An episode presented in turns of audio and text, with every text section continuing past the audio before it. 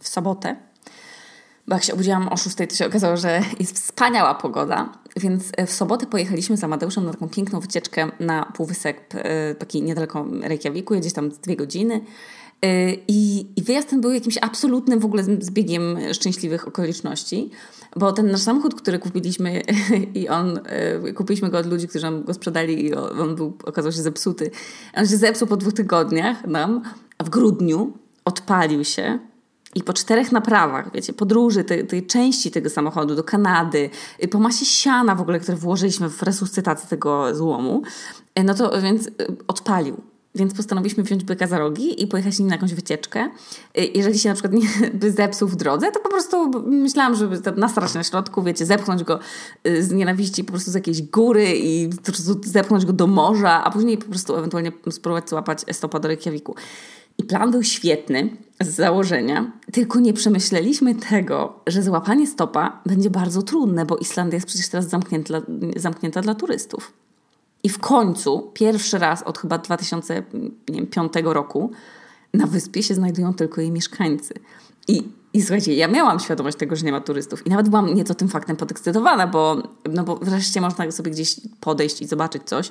I rzeczywiście się poczuć tak jak na tych wszystkich, wiecie, tych zdjęciach w internecie, że na Islandii jest tak pusto i w ogóle nie ma ludzi, tylko są owce i wodospady i, i te foki i wieloryby i w ogóle zupełnie nie ma tłumów Azjatów poubieranych w ciuchy z falbanami albo Amerykańców w butach moon boot, które nie mają bieżnika w podeszwie i się ślizgają w błocie jak na maśle przy wodospadach. I pomyślałam sobie, Jezu, w końcu będzie można naprawdę zobaczyć te wszystkie cuda natury w formie cudów tych natury a nie w formie takiego smoka wawelskiego, co, co ludzie dookoła niego y, czekają, żeby zrobić zdjęcia, jak on zionie. No i, i tak było, słuchajcie. No, mieliśmy po prostu pojedyncze samochody rolników jakichś, y, którzy wieźli owce, albo po prostu Islandczyków, którzy jechali sobie na domki letniskowe. No. I nikogo więcej. Nie było w ogóle turystów przyjezdnych. I postanowiłam opowiedzieć Wam o tym, co mnie zaskoczyło na Islandii po tym, jak się tutaj faktycznie znalazłam. A ja nie, a, a nie oglądałam jej tylko na Instagramie. Po tej właśnie wycieczce, bo przypomniało mi się kilka rzeczy. I istnieje podobno takie zjawisko, jak syndrom paryski. Jest to taka ciekawostka, ale jest też taki młody zespół z Poznania, który się tak nazywa. Ale ten syndrom paryski, o którym ja chcę opowiedzieć, to jest taka dolegliwość, takie uczucie, które występuje u turystów, głównie japońskich chyba, kiedy przyjeżdżają do Paryża i to miasto po prostu ich rozczarowuje. Bo w ogóle Paryż nie jest tym miastem, o którym oni marzyli. I to nie jest, wiecie, Paryż z marzycieli albo Paryż z Amelii, tylko oni naprawdę, na przykład, na przykład natrafiają na jakieś protesty, gdzieś tam w oddali płonie auto, wiecie, są bezdomni, gdzieś tam jest jakieś śmieci leżą i, i, i to nie jest to, co ci turyści chcieli zobaczyć. To w ogóle nie jest Paryż z ich wyobrażeń. I czasem się zastanawiam, czy część turystów przyjeżdżających na Islandię też ma tak, że wracają i mówią, kurwa, to miała być, wiecie, bezludna planeta, a było tysiąc osób na na plaży. No więc kochani, opowiem Wam o tym, co może rozczarować na Islandii, ponieważ ja sama mam takie trasy, które mnie rozczarowują. W sensie są nudne. Nic się tam nie dzieje. Nie ma nawet pół wodospadu, nie ma żadnej atrakcji, są jakieś tam konie, fermy i jest na przykład taki, wygląda to tak, taki, jakby się jechało przez wsi w Polsce.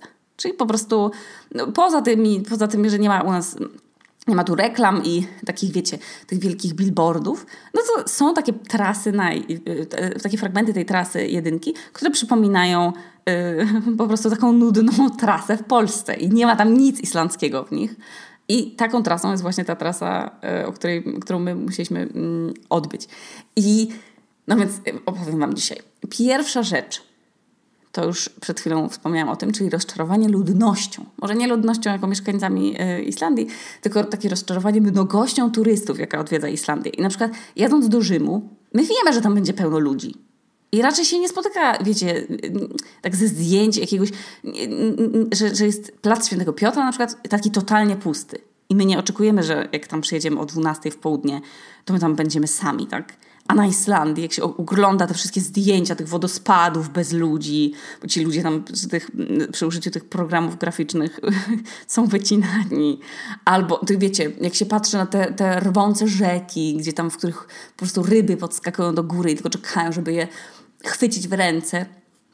Tak się patrzy na, te, na, ten, na ten samotny, pusty wrak samolotu, na przykład na tym ogromnym polu pustki, to oczywiście, że się ma oczekiwanie, że tak będzie właśnie będzie, że przyjedziemy na Islandię i będzie pusto. ale nie. Oczywiście, że są miejsca, w których nie ma ludzi i to jest logiczne, że się nie jest wiecznie w tłumie ludzi, ale naprawdę znalezienie teraz na Islandii miejsca, w którym nie ma nikogo, zwłaszcza w takim sezonie turystycznym, czyli praktycznie, no już teraz się zaczynającym, chociaż go teraz nie ma, to jest naprawdę trudne, to jest naprawdę trudne.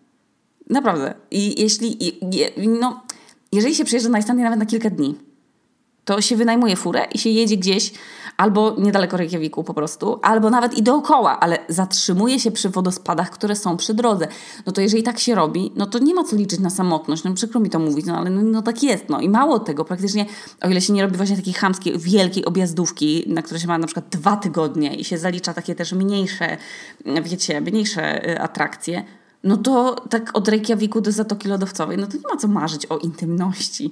A tak naprawdę jest naprawdę niewiele miejsc, które sobie turyści odpuszczają i lokalsi mogą się do nich wybrać po prostu od tak.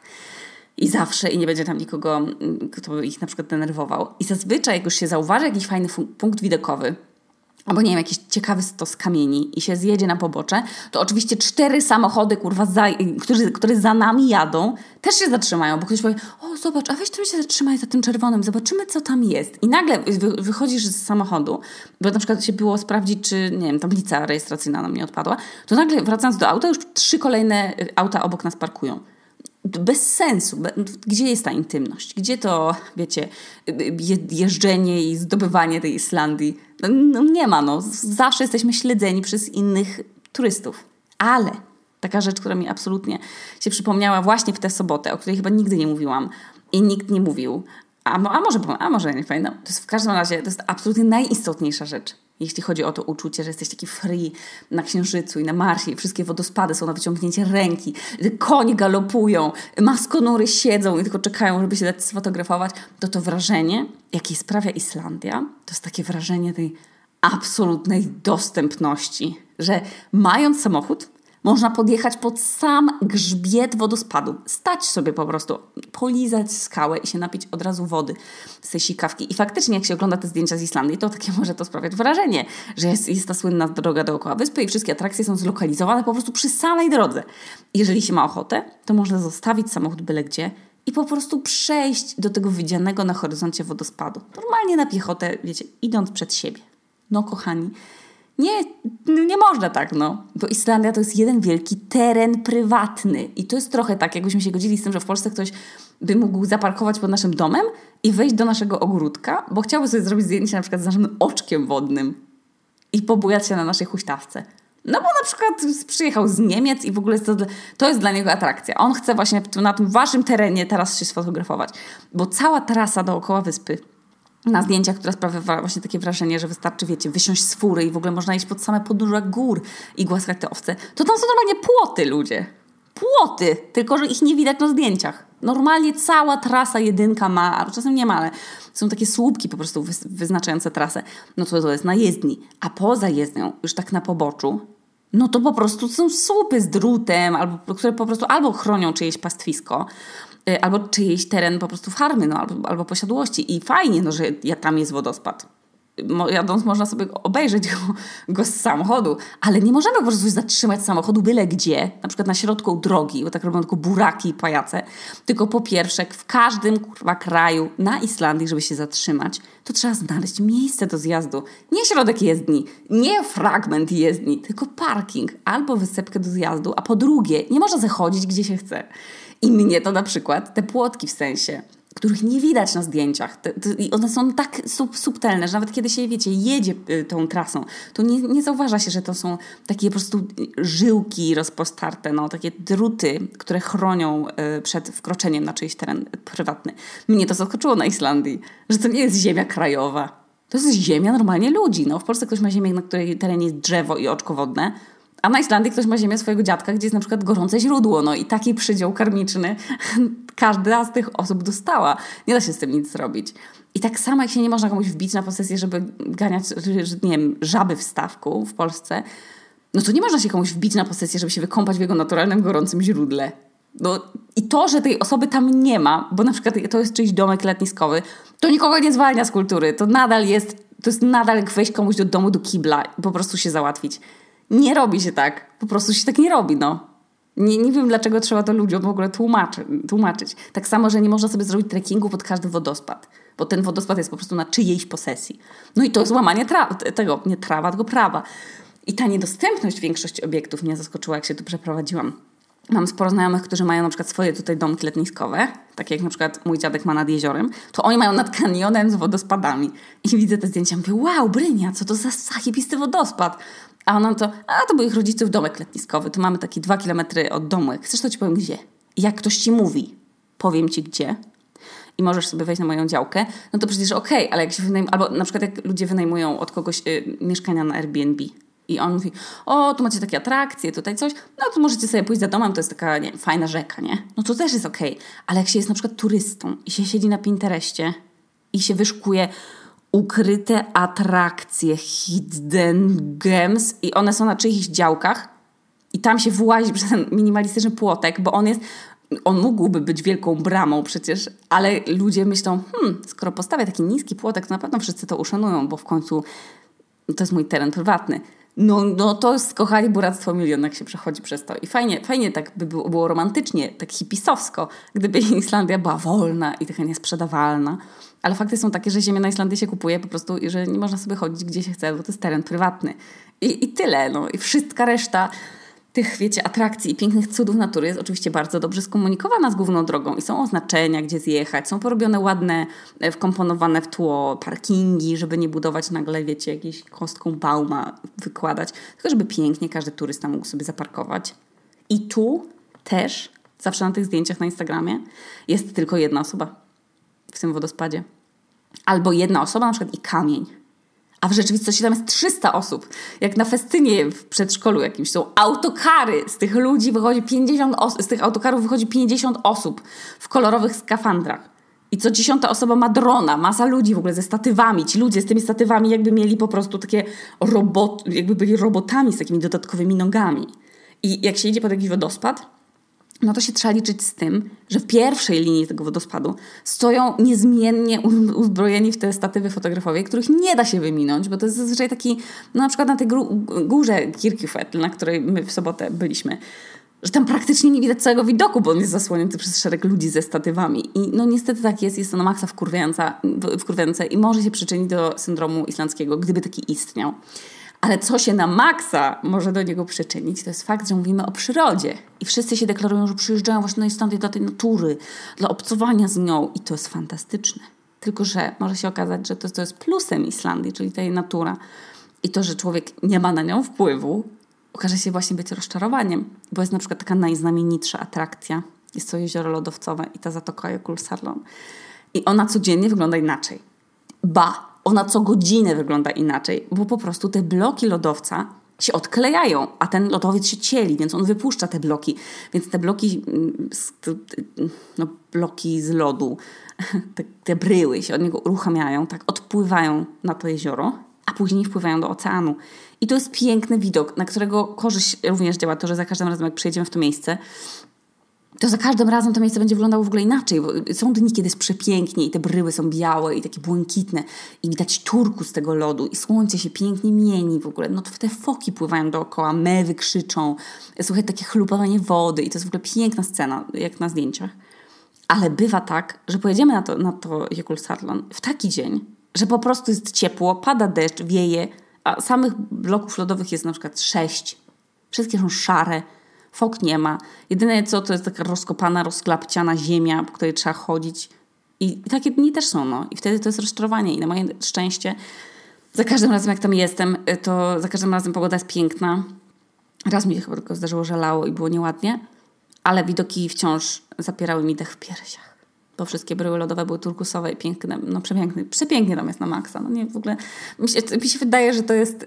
Yy że to jest symulacja, że to jest niemożliwe, że to, że to jest niemożliwe, żeby to istniało naprawdę. Bo ten jest to widok tak napakowany bodźcem, e, bodźcami i jest tak zaspokajający w ogóle estetycznie, że to jest niemożliwe, żeby to, żeby to stworzyła natura. W sensie to jest niemożliwe. To musi być jakoś zaprogramowane w ogóle e, w, u nas w głowach. No ale nieważne. Główną rzeczą, którą może odbierać i radość z obcowania z takim widokiem jest znowu tłum na przykład tłum ludzi. Ostatnio byli tam Azjaci y, z taką całą ogromną ekipą fotograficzną, która robiła takie okropne zdjęcia ślubne i ta pani, taka biedna, wymarznięta, sina cała od wiatru w tej białej sukni i, i, I tłum ludzi znowu z tymi statywami, ci ludzie po co pozują, że tak podskakują i podskakują obok siebie siedem razy, aż w końcu po prostu uchwycą ten dobry moment, że są w powietrzu. E, I ci ludzie, co układają serca z, z swoich rąk. No, no znowu, no nie jesteśmy tam sami, no. Pięknie to wygląda na zdjęciach, że jesteśmy jedynymi ludźmi na całej planecie, którzy tam właśnie przyjechali oglądać to cudo. O, już jedziemy. Ale no nie jest tak. Bo na ten sam pomysł wpada wtedy 300 osób i, może, i niektórzy sobie myślą, słuchajcie, zdrzemniemy się w samochodzie i w nocy, o trzeciej w nocy pójdziemy oglądać. Wtedy na bank nikogo tam nie będzie. I mówiąc tam, mam na myśli albo właśnie tę zatokę, albo jakiś wodospad, albo, albo, albo ten wrak samolotu, który jest beznadziejny, a jedziesz na niego godzinę w jedną stronę w brzydką pogodę. Dajcie spokój. No więc ci ludzie wpadają na ten pomysł odwiedzenia tych atrakcji w nocy, jakby byli, bo wtedy oni się czują, że oni będą jedyni na świecie i tylko oni mają ten pomysł. I później się okazuje, że jest przecież lato, nikt nie śpi. Tylko wszyscy biwakują sobie nad wodospadem, bo przecież miał być on pusty, a tam zawsze ktoś jest.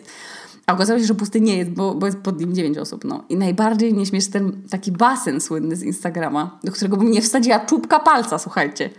Okropne to jest, bo on, był, on jest czyszczony, on był, nie, nie, nie to, że był czyszczony tylko radzko, jakby najpierwsze czyszczenie, o którym wiadomo, odbyło się po wybuchu tego wulkanu to chyba był w takim razie 2011 rok, tam nie wiem.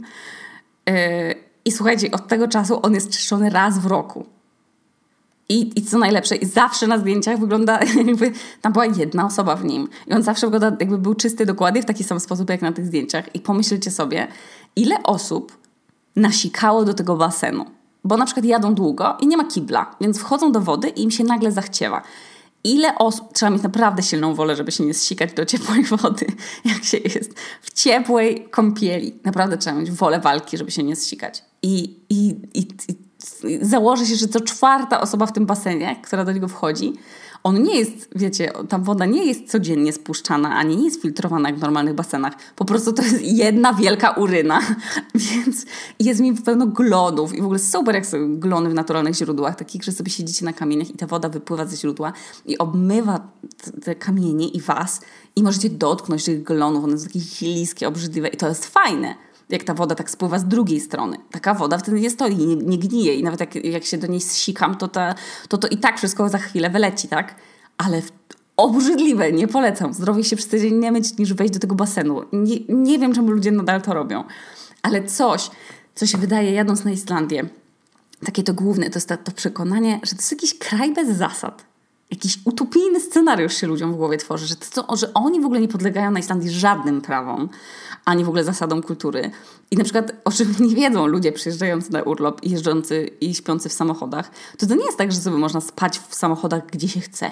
Są normalnie tabliczki z zakazami, jest przekreślony kamper, jest przekreślony namiot, przekreślony samochodzik i mimo to są ludzie, którzy nie lubią zasad, albo, albo, ale też wydaje mi się, że takim ludziom się po prostu wydaje, że oni są jakimś pępkiem świata i że, że nic ich nie dotyczy.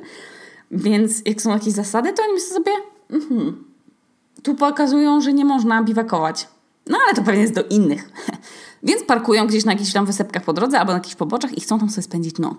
I z czym się to wiąże? Przede wszystkim z tym, że nie mają się gdzie wysikać albo za przeproszeniem zrobić kupy, to najpewniej zrobią to za najbliższym głazem. I nikt nie pomyśli, żeby ten ubrudzony ze sobą papier zabrać ze sobą i, i, i, i na przykład zawiązać go w torbę foliową i wyrzucić gdzieś, gdzie to będzie możliwe. Tylko ludzie po prostu przyjeżdżają na Islandię, srają za jakimś kamieniem, bo przecież to jest tak, wiecie, bliskość z naturą, bo w centrum Krakowa nie mogą nasrać na przykład sobie za głazem, więc spróbują doświadczyć te, tej fantastycznej okazji na Islandii.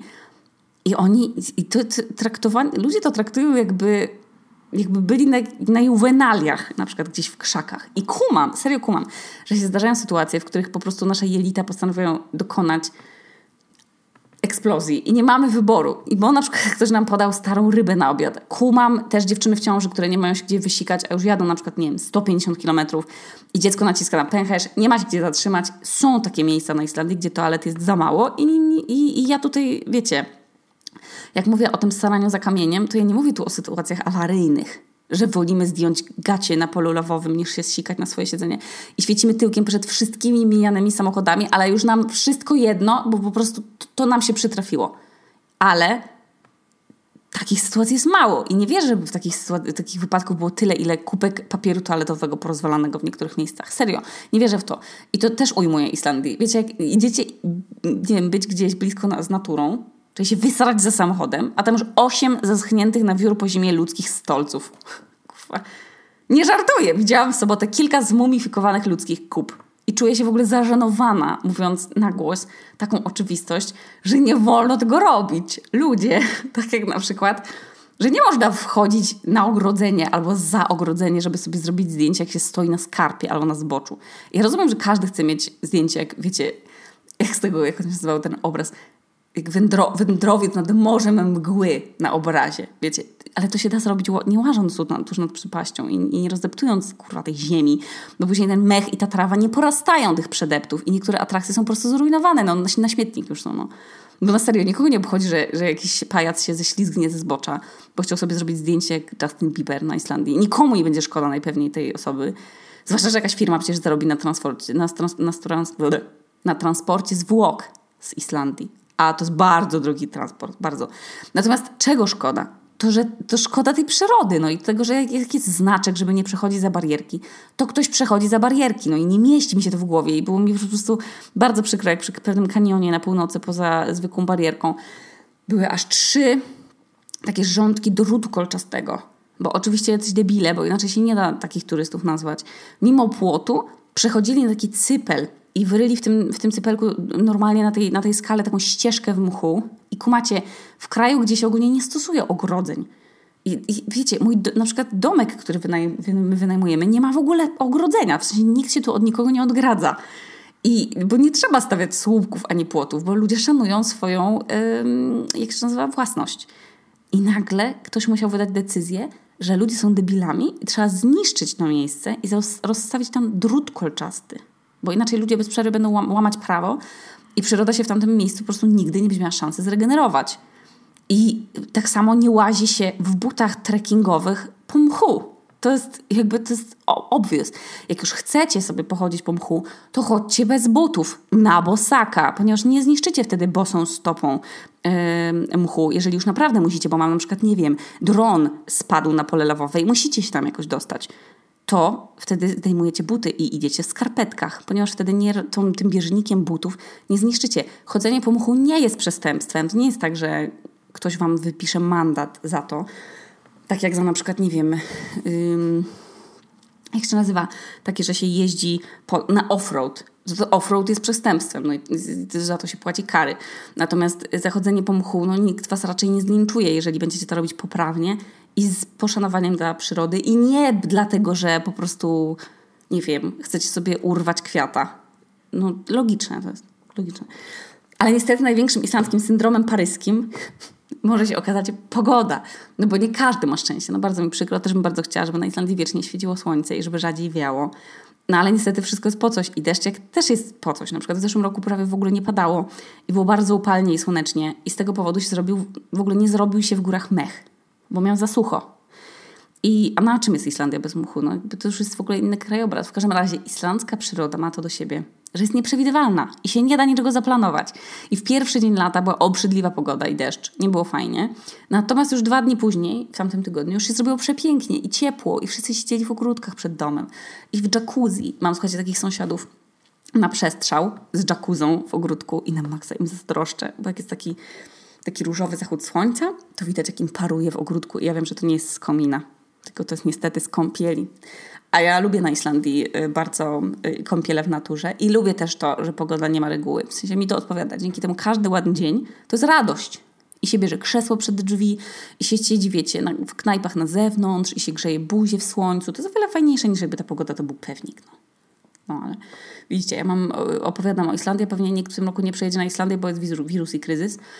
No i to jest ciekawa perspektywa, bo, no bo Islandia to jest przecież kraj, który się opiera na e, turystyce, więc się zaczyna robić nieciekawie na rynku pracy. I wczoraj czytałam jakiegoś newsa, że zwolnili chyba 2000, 2000 pracowników linii lotniczych Islander. Bezrobocie gdzieś ostatnio widziałam, że wyniosło 14%, coś mi mignęło. I w niektórych miejscowościach, które się opierały na przykład tylko na tym, że byli w nich turyści, e, no to bezrobocie wynosi 20%, czyli jednym słowem po prostu bardzo brzydkim słowem przejebane. I firmy przewozowe na przykład i wypożyczenie aut, które mają teraz zerowy wynajem, bo wiadomo, że będzie w wakacje kryzys, no bo nikt nie będzie ryzykował, wiecie, wakacji w drugim kraju w pandemicznym roku, a dodatkowo już kilka dni z kolei nie ma nowych e, u nas przypadków zakażenia, a mimo to rząd zapowiada, że nadal będą testować, tak już dla pewności, i że nie należy się jednak nastawiać na otwieranie granic. E, a jak już je pewnie otworzą, no to na zasadzie, że trzeba będzie się poddawać kwarantannie 14-dniowej po przylocie na Islandię. Ja nie, nie sądzę, żeby kogoś było na to stać, tak z turystów ogólnie nie za ciekawie. Nie powiem, żeby to była optymistyczna wizja. Widziałam dzisiaj, że rząd wydaje teraz też trochę pieniędzy na taką kampanię turystyczną, taką kampanię tak, promującą turystykę własnego kraju. Także myślę, że większość Islandczyków też będzie w tym roku świętować y, wakacje i, i, cieszyć się wakacjami w swoim własnym kraju, no w końcu, a nie w Hiszpanii. Natomiast mam takiego znajomego Piotra i on ma podcast o Islandii, nazywa się po prostu Piotr. Łatwo zapamiętać, świetna nazwa, po prostu Piotr. I tam jest kilka podcastów o Islandii i o kryzysie i o turystach, także jeżeli macie ochotę słuchać o, o takich tematach bardziej, no takich właśnie turystyczno społecznych, to proszę sobie tam posłuchać, jest dużo ciekawostek. Natomiast ja już zakończę to marudzenie na dziś, bo dzisiaj odcinek był marudzący. Ostatnio ktoś w internecie napisał, co to jest ta okoniska, ta co tak marudzi w podcastach? To właśnie byłam ja. Ale warto było wypowiedzieć na głos ewentualne ludzkie, ludzkie, wiecie, rozczarowania, bo być może ktoś, jak się dowie niektórych rzeczy, to może nie będzie rozczarowany, kto wie, może mi się też zawsze wydawało, że ci turyści, którzy przyjeżdżają na Islandię, to skoro oni już wypakują tyle siana na to, że skoro już tak, i skoro wybierają ten sam kraj, który wybieram ja, żeby go zwiedzać na przykład, że oni mają taki sam poziom wrażliwości jak ja. Czyli na przykład oni nie będą sobie robili zdjęć mm, wiszących nad przepaścią jakichś takich bardzo dziwnych, niszcząc przyrodę. A później się rozczarowałam, że jednak są tacy ludzie. Także mam nadzieję, że komuś przynajmniej te rozczarowanie mm, no, zdejmę z barków. A teraz sobie usiądę i wiecie, co będę dalej robić? Będę pisać książkę dalej. Jest. Ale zanim zakończę, chciałam jeszcze ogłosić wyniki konkursu, e, który zorganizowałam z Fundacją Rock and Roll. I tam zadaniem konkursowym było napisać zwrotkę piosenki do refrenu śpiewanego, rapowanego przez Fisza. I dostałam naprawdę dużo fajnych zwrotek. Nawet jedno nagrano.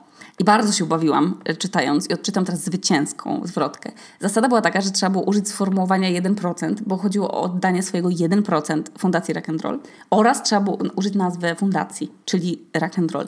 I uwaga, o co teraz wyrecytuję, bo nie mam jaj, żeby zarapować.